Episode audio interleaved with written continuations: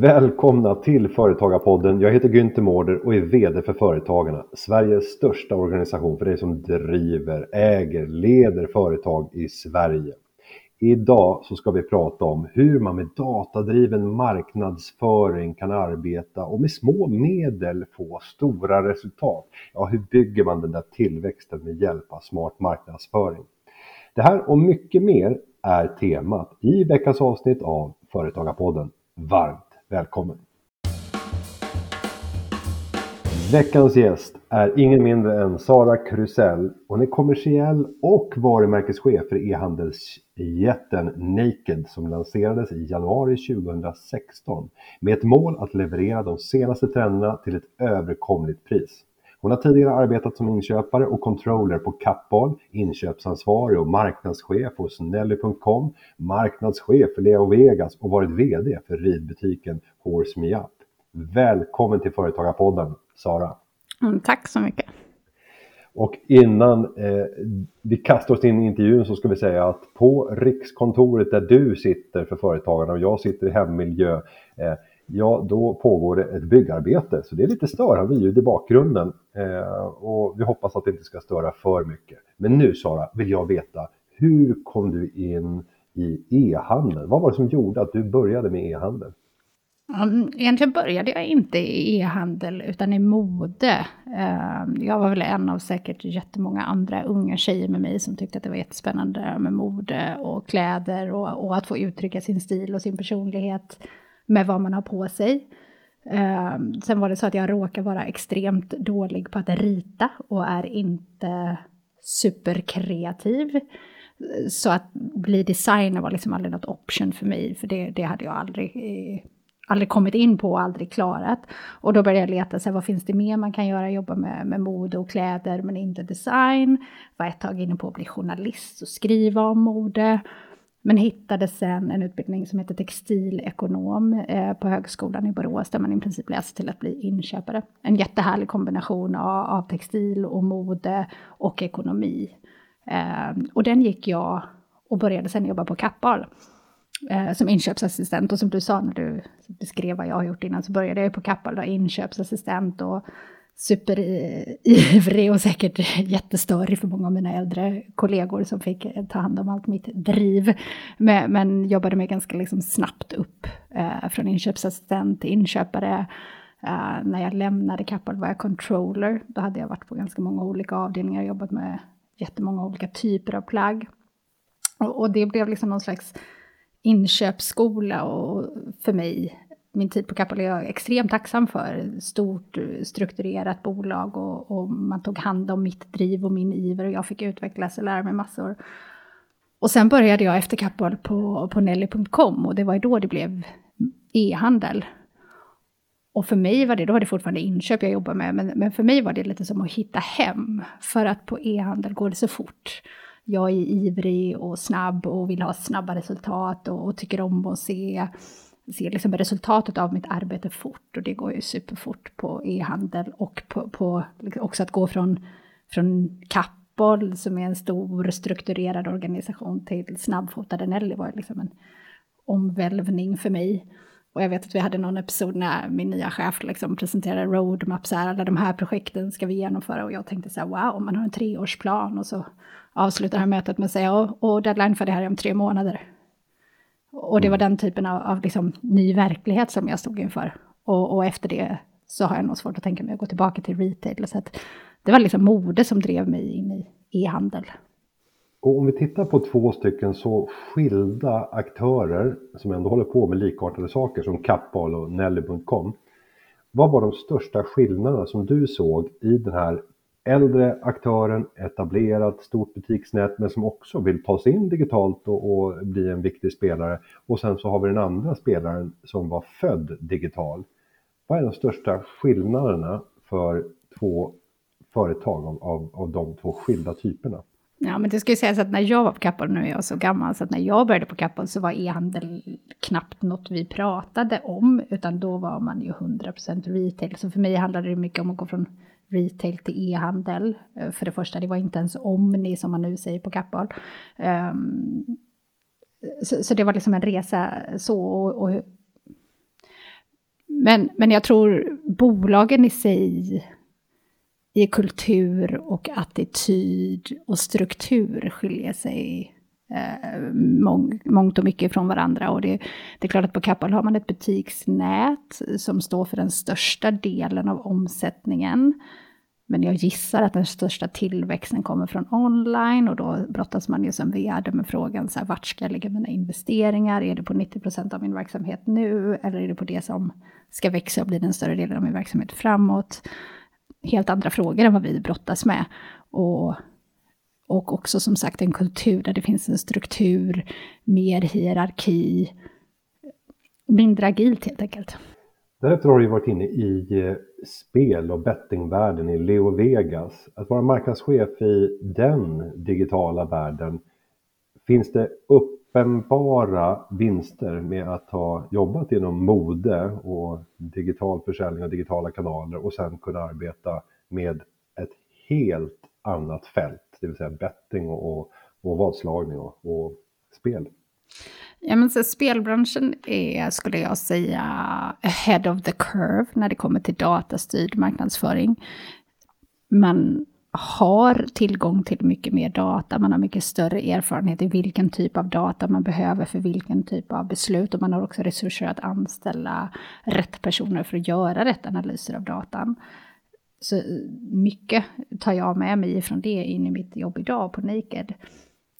Vad spelbranschen däremot, eh, vad jag tror kommer bli en utmaning för spelbranschen framöver är ju att vi ser alla att konkurrensen blir hårdare och hårdare.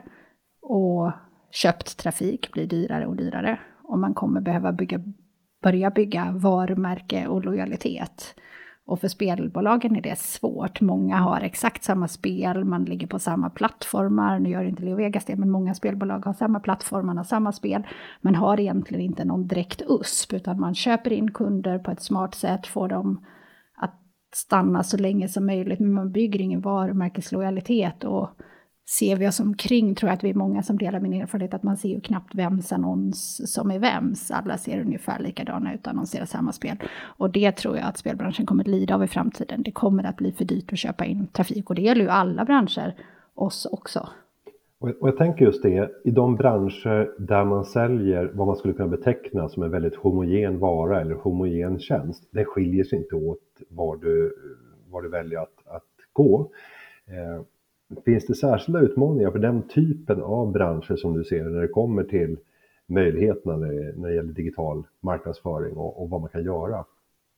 Ja, för de, för de branscher och de bolag som inte har en unik produkt tror jag att det är viktigare än för många andra att bygga sitt varumärke, att ladda sitt varumärke med värde.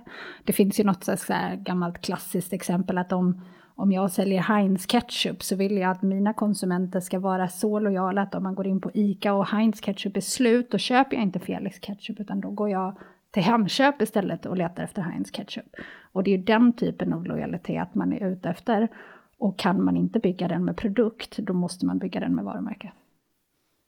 Och att bygga ett varumärke när man just har den här homogena varan eller tjänsten måste ju vara ganska svårt. Mm. vad är knapparna som du skulle trycka på, eh, om vi ska prata bildligt, för att kunna kreera det här starka varumärket som skapar lojaliteten trots att man kan gå över gatan eller snarare över till nästa URL och, och hitta precis samma erbjudande med samma kvalitet och samma, ja, lösa samma problem. Som till exempel inom bettingvärlden. Det kan skilja sig åt med vilka odds du kan få till exempel, men, men eh, i grund och botten är det samma sak du får. Mm.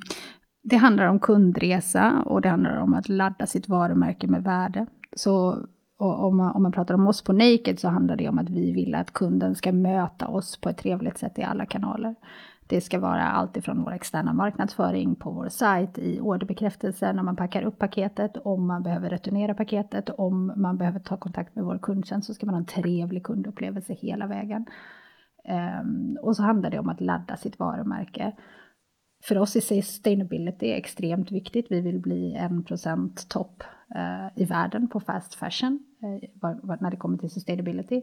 Men det handlar också som ett modeföretag om att vara relevant i trendperspektiv. Vi måste ha rätt produkter i rätt tid för att vinna våra konsumenters förtroende. våra bilder och vår kommunikation måste vara relevant och precis det som kunden efterfrågar. Och vi måste ladda, förlåt. Ja, och, och, och, jag tänker en sak som ni har valt på Naked att jobba mycket med så är det ju influencers. Och då kan man ju ställa sig frågan som eh, småföretagare, kan det finnas poänger för mig som småföretagare att hitta kanske inte de stora influencersna men, men mikroinfluencers och vad är det viktigt att tänka på om man ska göra ett sånt typ av samarbete för att kunna konvertera på det? Ja, men precis. Jag tror att det finns eh, möjligheter för alla typer av bolag att jobba med influencer marketing. Men man måste välja rätt influencer. Jag skulle säga att det är det som är nyckeln till framgång och det är den, den konsten som vi har lyckats väldigt väl med på Naked och som gör att det faktiskt går för bra, så bra för oss med vår influencer marketing. Men, men om vi tar oss som exempel och vi jobbar med Pamela Reef, en stor tysk profil, eller vi jobbar med Romy Street och vi jobbar med massa stora profiler som säljer mode. Skulle jag sälja fiskeutrustning så kan jag ju inte höra av mig till Pamela Street.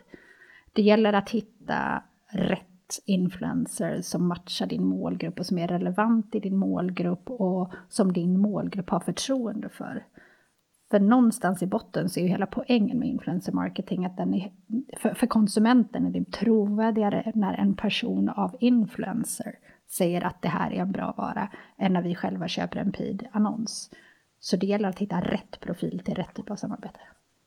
Och om vi tänker att du nu jobbade inte på Naked som det är idag utan tänk att Naked var en hundradel så stort och man kämpade för att eh, klara av vardagen men man ville driva tillväxt. Hur hade du valt ut vilka influencers som du skulle arbeta med? För nu har du då kanske inte den finansiella kapaciteten att köpa sådana stora namn som, som ni har idag. Men om du tvingades eh, med en mycket, mycket mindre budget för ett mycket, mycket mindre företag Ja, men då ska man, veta, man ska veta att det inte alltid är de största som levererar mest. Det är, det är klart att det är de stora talens lag på något vis som betalar du mycket så får du förhoppningsvis mycket tillbaka.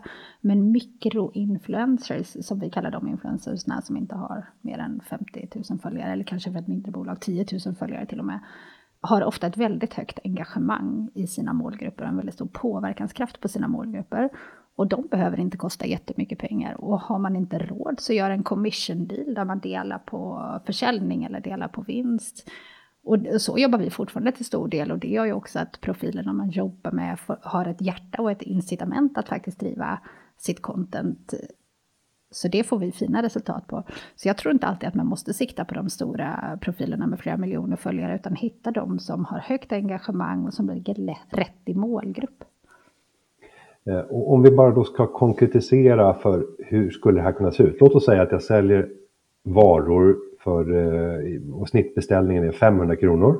Vi definierar inte vad det är för någonting. Vi hittar influencers av mikrokaraktär. De kanske sitter med 10 000, 20 000 följare. Hur kan en sån deal se ut med en sån här typ av aktör? Låt oss säga att jag har en, en nettomarginal på 10 procent på, på min försäljning. Så att jag, jag, brukar tjäna ungefär 50 kronor på varje snittorder om 500 kronor. Vad måste man ge ifrån sig för att kunna komma till stånd med ett, ett samarbete enligt eh, dina erfarenheter? Jag förstår att frågan är lite av karaktären hur långt är ett snöre?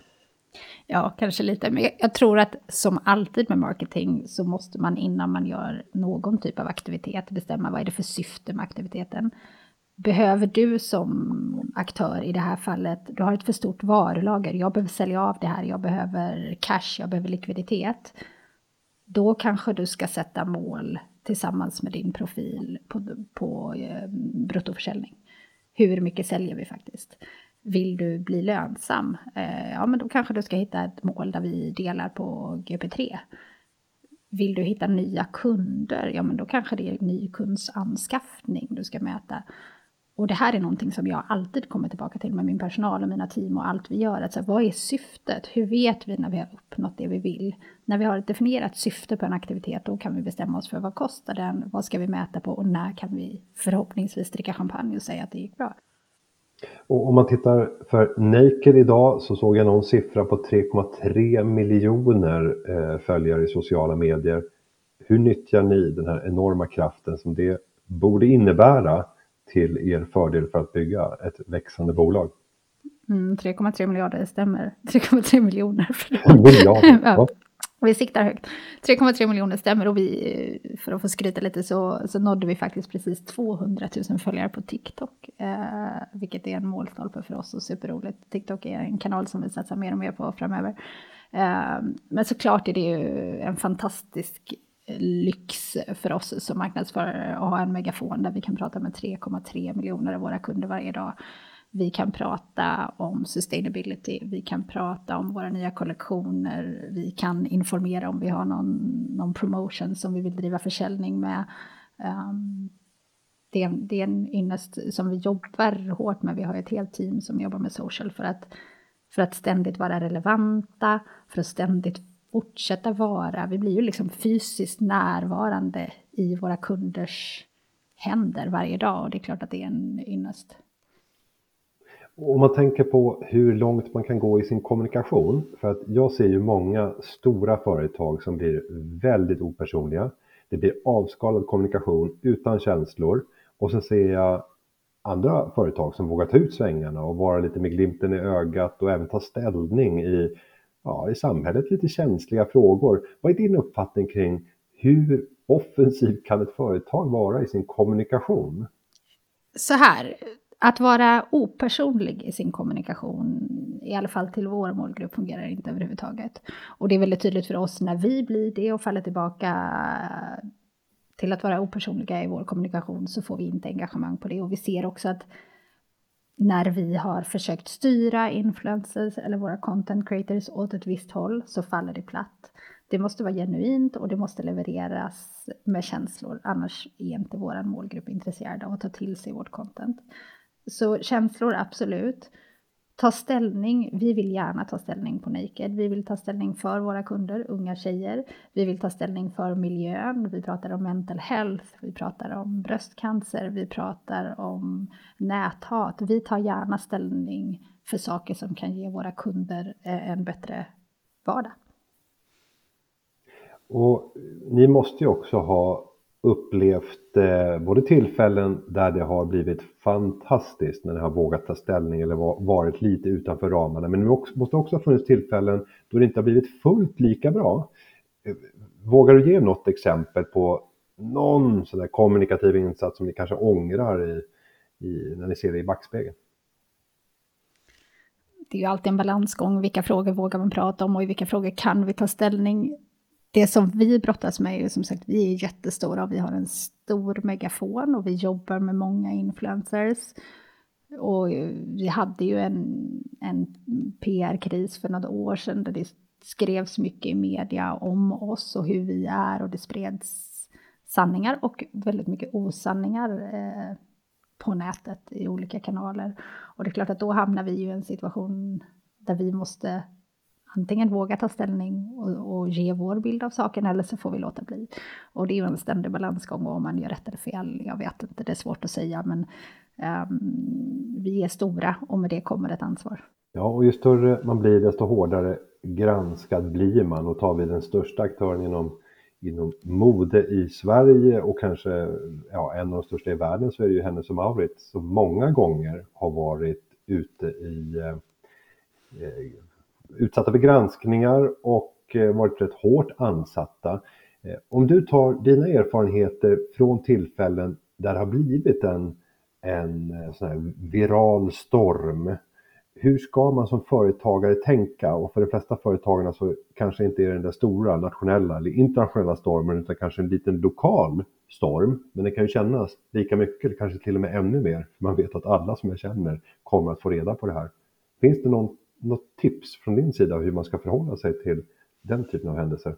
Mm, nu är inte jag specialist på kriskommunikation, men vi tror på att vara transparenta och på att dela med sig. Men som sagt, vi är ofta väldigt mycket större än de som vi är i diskussion med. Och vi vill skapa ett tryggt och pleasant klimat online, både för våra influencers som vi jobbar jättemycket med och ser som partners, men också för våra kunder. Vilket betyder att vi är lite försiktiga. Ehm, men transparent och ärlighet brukar ju vara längst. Mm. Om vi nu är en småföretagare som vill inspireras av den resa som ni har gjort på Naked, för att bygga en stor följarskara som kan bli det där fantastiska verktyget som man kan använda sin egen megafon för att nå ut med budskap. Vad skulle vara dina tips till eh, den lilla företagaren för att kunna skapa en följarkrets? Har man råd så tycker jag att man ska anställa. Anställ någon som är specialist. Eh, det är ju inte jag som kreerar vårt content, jag är alldeles för gammal och, och inte alls relevant för vår målgrupp och skulle aldrig kunna göra det som vi har gjort i vår resa. Så anställ någon som vet vad den gör. Och sen handlar det om att göra mycket. Våga testa, mäta, följ upp, förfina. Ehm, men sluta aldrig testa, sluta aldrig göra. Ehm, och mät och följ upp precis egentligen som med all annan marketing. Fråga dina kunder, engagera dina kunder, fråga dem vad de vill se mer av på Instagram. Fråga dem, vi ska utveckla den här produkten, vill du ha den svart eller blå? Fråga hur mycket skulle du vilja betala för den här produkten? Våga bygga en community och våga engagera dina kunder. Och testa, testa, testa. Och när du säger det där, våga testa, sätt upp mål, följ upp. Jag upplever ju att väldigt mycket mer av egentligen allt ledarskap handlar idag om att vara skicklig på att jobba med datamängder och kunna fatta beslut med underlag av den datan och helst av allt kunna avhända sig besluten genom att villkorsstyra beslut utifrån olika datautfall. Eh, och jämför vi istället tillbaka historien inom, inom mode, ja, men det klassiska var väl att man gick in på en ekiperingsbutik och den där personen som stod inne i butiken kunde på direkten se vad som kunde tilltala dig. Det är en väldigt stor skillnad jämfört med vad som var de mest efterfrågade egenskaperna förr i tiden när man stod i butiken och omedelbart skulle kunna träffa rätt på den där personen som kom in genom, genom dörren jämfört med det arbete som du har idag eh, där det handlar väldigt mycket, låter det som, om ren och skär matematik, bedöma sannolikheter, fatta snabba beslut på stora datamängder. Håller du med mig i analysen? Jag önskar kanske att det var så lätt som du beskriver det, för det är det ju inte. Och det måste man ha med sig när man jobbar med data. Data ger inte hela sanningen. Och framförallt inte när man jobbar med en så trendkänslig produkt som mode. Vi pratar jättemycket internt om hantverket, känslan, relevansen för kunden. Och den är lika aktuell nu, eller ännu mer aktuell som den var i herrekuperingsbutiken för många år sedan.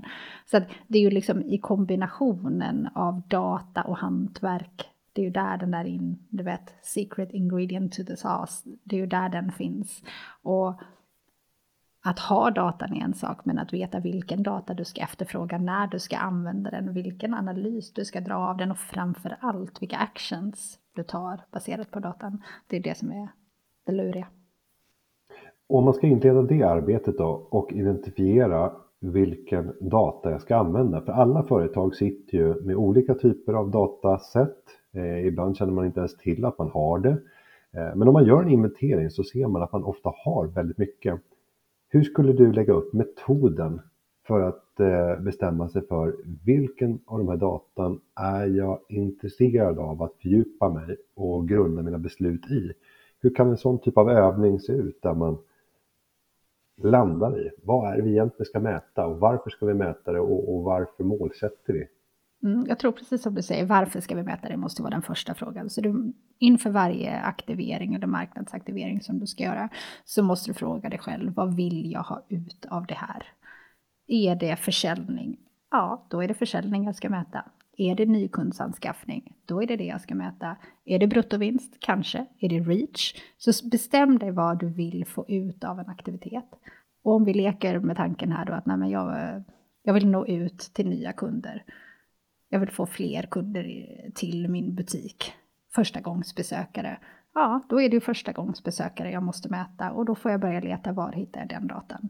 Men jag tror egentligen som, som med allt företagande Keep it simple, bryt ner elefanten i bitar och leta inte efter det här stora, liksom, den stora sanningen eller just Gör det inte så stort och gör det inte så svårt. Vad är det du vill uppnå? När vet du om du är nöjd eller inte? Om du kan svara på det så kommer du ju veta vilken typ av data du ska hitta och vet du inte själv så fråga, ta hjälp. Och jag sitter och tänker på andra delar i samhället. Nu är det 2022, det är ett valår. Vi har ja, minst åtta partier som kommer kämpa för att få så mycket röster de bara kan i höstens val. Eh, jag fick höra ett parti eh, där jag hörde i ett internt sammanhang att de kraftsamlade. Nu skulle ut och knackas dörr. Eh, och jag satt i min enfald och funderade över hur mycket kommer de här dörrknackningarna att ge? Mäter de det här? Följer de upp det? Kan de börja i liten skala för att sedan mäta effekten av det för att sedan kunna intensifiera det? Och om jag istället skickar över till dig att du satt, oberoende av vilket parti det var, om du idag hade fått uppdraget att vara marknadsgeneral för ett parti inför valet eh, och skulle landa med målet så många röster som möjligt på valdagen i september. Vad skulle vara de viktigaste ingredienserna i förarbetet som du skulle göra för att kunna landa ett så starkt resultat som möjligt? En oförberedd fråga här, men eh, jag hoppas att du antar utmaningen. Jag tror att det är många politiska strateger nu som spetsar sina öron. Ja, spännande. Eh, tack för den passningen. Eh, ja, men jag skulle nog börja så här. Okej, vad vill vi uppnå? Eh, X antal procent av rösterna naturligtvis. Och då får vi titta på, okej, hur många tror vi att vi har?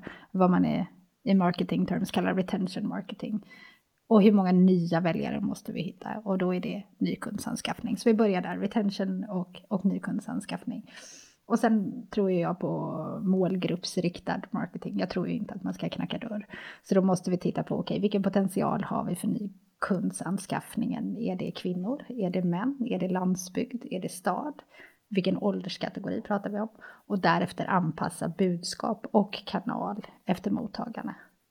Och samma sak med retention, okej okay, hur når vi dem redan här? Har vi data? Kan vi, kan vi nå dem? Där kanske vi har mejlutskick eller där har vi andra typer av kanaler. Så målgruppsanpassa eh, din marketing. Mm. Ja, vi får se om, om det är något parti som tar intryck av det här. Det finns ju flera partier som är rätt resursstarka i Sverige, även i ett internationellt perspektiv. Så att eh, förutsättningar för att kunna jobba ganska massivt med oavsett vilken form man väljer, den finns. Om vi tittar på Naked så har ni valt också att engagera er i eh, lite andra frågor som ligger utanför vad man tänker ett traditionellt modeföretag på nätet. Eh, ni vill lyfta mindre företag som särskilt är grundade av kvinnor. Varför då? För det första vet jag inte om jag tycker att det är så otraditionellt. Vi är ett bolag som består av väldigt mycket kvinnor. Våra kunder är 100% kvinnor. Nästan i alla fall. Um, och vi vill göra rätt för oss och vi vill som sagt ladda vårt varumärke med värde och vad som är värt något för våra kunder och för samhället. Och, och när vi kommer tillbaka till det här med lojalitet så, så, tror vi att det är superviktigt. Så att för mig är inte det otraditionell marketing och jag är jätteglad för att vi har det här initiativet. Och för er som inte vet då så är det så att vi supportar, vi kallar det Female Founders framförallt unga kvinnor som startar bolag och, och är modiga nog och ni vet vågar släppa tryggheten och 85-jobbet och kasta sig ut i entreprenörsvärlden som är tuff. Och vi har valt att göra det på ett, där kanske vi är otraditionella då, men istället för att investera kapital så investerar vi kunskap och vi låter de här bolagen få ta del av vår stora megafon och vår stora plattform. Vi har ju närmare en miljon besökare på vår sajt varje dag, och som du sa tidigare, 3,3 miljoner, inte miljarder, följare på sociala medier. Och det är klart att det är en jätte, eh, jättefördel för dem att få komma ut via oss och träffa rätt i målgrupp och få presentera sig för vår stora målgrupp. Och om vi ska gå tillbaka till frågan om att mäta och att följa upp och vad målet är. Hur ser det ut för en sån typ av satsning från er horisont? Ja, men de, för vår horisont så handlar det ju såklart om att göra gott för samhället och våga stå upp för kvinnor, eh, kvinnligt företagande. Och, och, det är ju kanske lite omätbart, men vi känner i magen att det här är rätt sak att göra. Sen mäter vi hur vårt varumärke utvecklas över tid och det är klart att det här påverkar en sån mätning. För bolagen i sig så är det klart att det är tillväxt och nykundsanskaffning som är det intressanta, varumärkeskännedom. Om vi sen går vidare och tittar på Sverige och det svenska modet så pratar man ju ibland och hör om det svenska modeundret. Till att börja med så blir det den korta frågan, håller du med om att det finns ett svenskt modeunder? Ja, jag tror så här. Vi har ju många framgångsrika bolag i Sverige som har lyckats internationellt i modebranschen men också i andra branscher ska man vara helt krass är så att skandinavisk stil är ganska okommersiell på många marknader. Så jag tror inte att det är den skandinaviska stilen som har liksom byggt det svenska modeundret. Men däremot har vi ju många stora företag som har lyckats. Vi har Spotify, vi har Ikea, vi har H&M såklart på vår, i vår bransch. Och det är klart att det inspirerar andra att våga starta bolag. Så jag tror snarare att det är så det svenska bolagsundret än det svenska modeundret.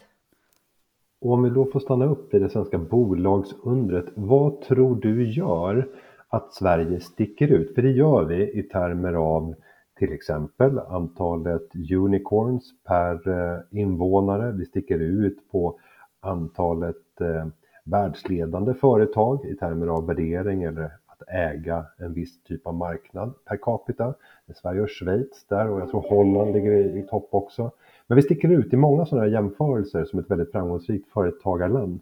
Va, vad är din analys varför det ser ut på det här sättet? Ja, och kanske är det så att vi har många fina företag att bli inspirerade av och som fungerar som förebilder.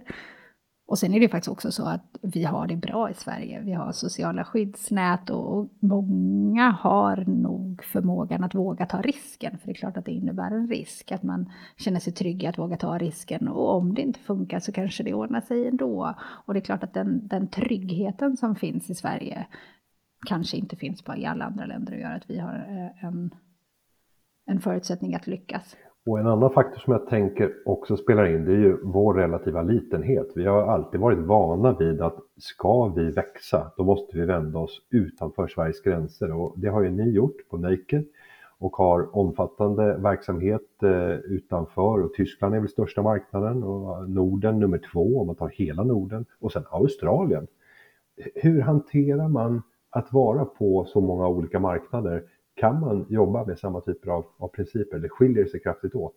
Man kan jobba med samma typ av principer, men vilken typ av content och sortiment vi driver anpassar vi både efter marknad och, och egentligen person. Så som du pratade om tidigare, om att du kom in i en, en herrekuperingsbutik och man visste med en gång man såg på din stil vad du vill ha. Vi hoppas ju komma med personalisering och system lika långt i det arbetet så att vi vet också vad du vill ha. Fast inte genom att titta på det, utan vi tittar på vad du har tittat på hos oss tidigare. Så att, nej, man kan inte göra exakt samma sak överallt och vad som säljer jättebra i Tyskland säljer inte alltid jättebra i Sverige. Så man behöver vara smart i hur man exekverar. Och eh, det är för många rätt självklart att börja nära när man ska börja en internationell expansion och tänka Norge, Danmark eller Finland för att man känner kanske att det är kulturellt nära. Tycker du att det är ett vettigt tänk eller bör man tänka på något annat sätt om man bestämmer sig för att nu ska vi in på en ny marknad med den produkt eller tjänst som vi har? Men det beror på vilken produkt man har. Som jag sa tidigare, för oss till exempel så säljer vi väldigt olika typer av mode i Tyskland och i Danmark.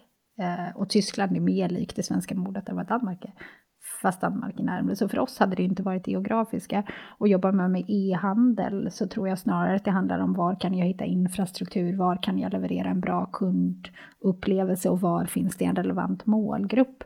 Eh, och när det kommer till marketing kan man ju också titta på faktorer som, som hur dyr är sökordsoptimeringen för min produkt på olika ställen? Har jag mer konkurrens på något ställe än någon annanstans? Hur kan jag driva trafik på ett lönsamt sätt på en viss marknad?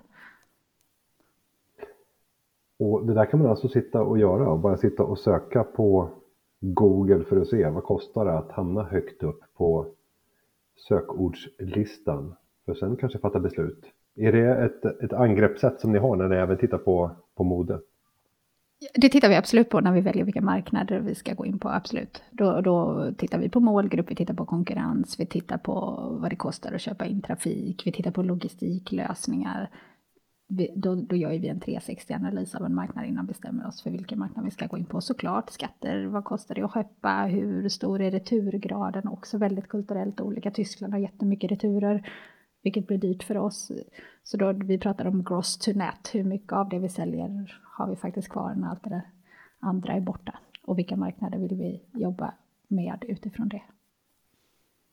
Ja, det är mycket att tänka på, den här 360-analysen som du beskriver det är nog många företagare som känner att oj, oj, oj, jag har ingen aning om hur jag skulle göra en sån där 360-analys. var ska man vända sig för att kunna få ett bra analysunderlag om man till exempel då ska göra en internationell expansion och gå till en ny marknad. Vad hade du gett för råd till en småföretagare som ska expandera? Jag tycker man ska göra det själv. Jag tycker man ska utgå ifrån kundupplevelser. Om du följer kundresan och tittar på hur får jag kunden till min sajt? Hur får jag kunden att konvertera på sajt? Hur ser det ut i kassan? Hur levererar jag? Hur pratar jag med min kund efter? Om du tar det steg för steg och följer hur din kund möter dig i alla kanaler och så mappar du den och så utvärderar du varje steg för sig så behöver det inte vara så komplicerat. Men sen är det klart att det finns jättemycket konsulter ute på marknaden som, som kan hjälpa dig med kundreseanalyser eller köpa Google AdWords eller SEO-optimering. Men, men är man liten och inte har råd så tror jag inte att man måste göra det så himla svårt. Utgå från dig själv och din kund och kundresan. Nu när vi spelar in det här så har ju eh, pandemin återigen slagit ett grepp om eh, ja, större delar av världen när det gäller nya typer av, av restriktioner. Om vi ser tillbaka på Naked de senaste två åren när vi pratar om pandemiekonomin eller restriktionsekonomin. Hur har den påverkat er? Den har ju slagit på massa olika sätt såklart. Dels har det varit så att kundernas efterfrågan på vårt sortiment varierar över tid. Så att eh, när det är lockdown eller vi jobbar hemifrån, då ser vi att försäljningen av loungewear och mjuka bekväma plagg ökar. Så öppnar krogarna och pubbarna och helt plötsligt säljer vi paljettklänningar och festskor. Så där är vi ju väldigt tacksamma att vi är born digital och kan följa med i svängarna och leverera precis det som kunden vill ha och, och, och återigen vara relevanta för våra kunder. Sen är det också så som det har påverkat oss som alla andra att varuanskaffningen har ju varit tufft. Priserna för varorna går upp och att få hem varorna har ju varit en mardröm. Det kostar väldigt mycket mer att få hem varorna än vad det gjort tidigare och det tar också mycket längre tid och är svårt att prognostisera, leveranstider ändras. Eh, så det är klart att det har varit en utmaning eh, ekonomiskt för oss, absolut. Ja, ska man jobba med snabbt mode, då vill man inte ha störningar i eh, logistikflödena. Och jag har fått höra från många medlemmar att de har sett ibland en tiofaldig ökning av transportkostnaderna och den transporten de får är två, tre, ibland fyra gånger långsammare än de normalt sett är vana vid. Är det här en bild som ni känner igen er i? Ja, det har varit supertufft på alla sätt, absolut. Och jag tror att vår sista siffra är att 80 procent av våra varor som har kommit in den sista tiden har varit försenade på ett eller annat sätt. Och det är klart, att få in nyårsklänningarna i januari är inte bra. Sen tror jag att vi är stora nog och som sagt finns på olika marknader, så vi har nog haft lättare att mitigata det här än vad jag vet att många små bolag har. Mm. Ja, det är en en stor utmaning som vi har gått igenom och pandemin har haft många dimensioner på olika ekonomiska flöden. Sara Krusell, jag är jätteglad över att du har kommit till Företagarpodden och delat med dig av dina kunskaper och gett många värdefulla tips till våra lyssnare. Så jag skulle vilja avsluta med att säga stort tack till dig för att du var med i det här avsnittet. Tusen tack för att jag fick komma. Och jag ska säga att Eh, du som har lyssnat ska också få ett stort tack. Och vill du ha fler tips på hur du kan bedriva framgångsrikt företagande, ja då skulle jag gå in på företagarna.se och där har vi en flik som heter Driva eget där vi samlar mängder av tips och inspiration. Klippningen av den här podden den är gjord av Petra Chu och underlaget är gjort av David Hagen. Vi hörs igen nästa vecka. Ha det så gott. Hej då!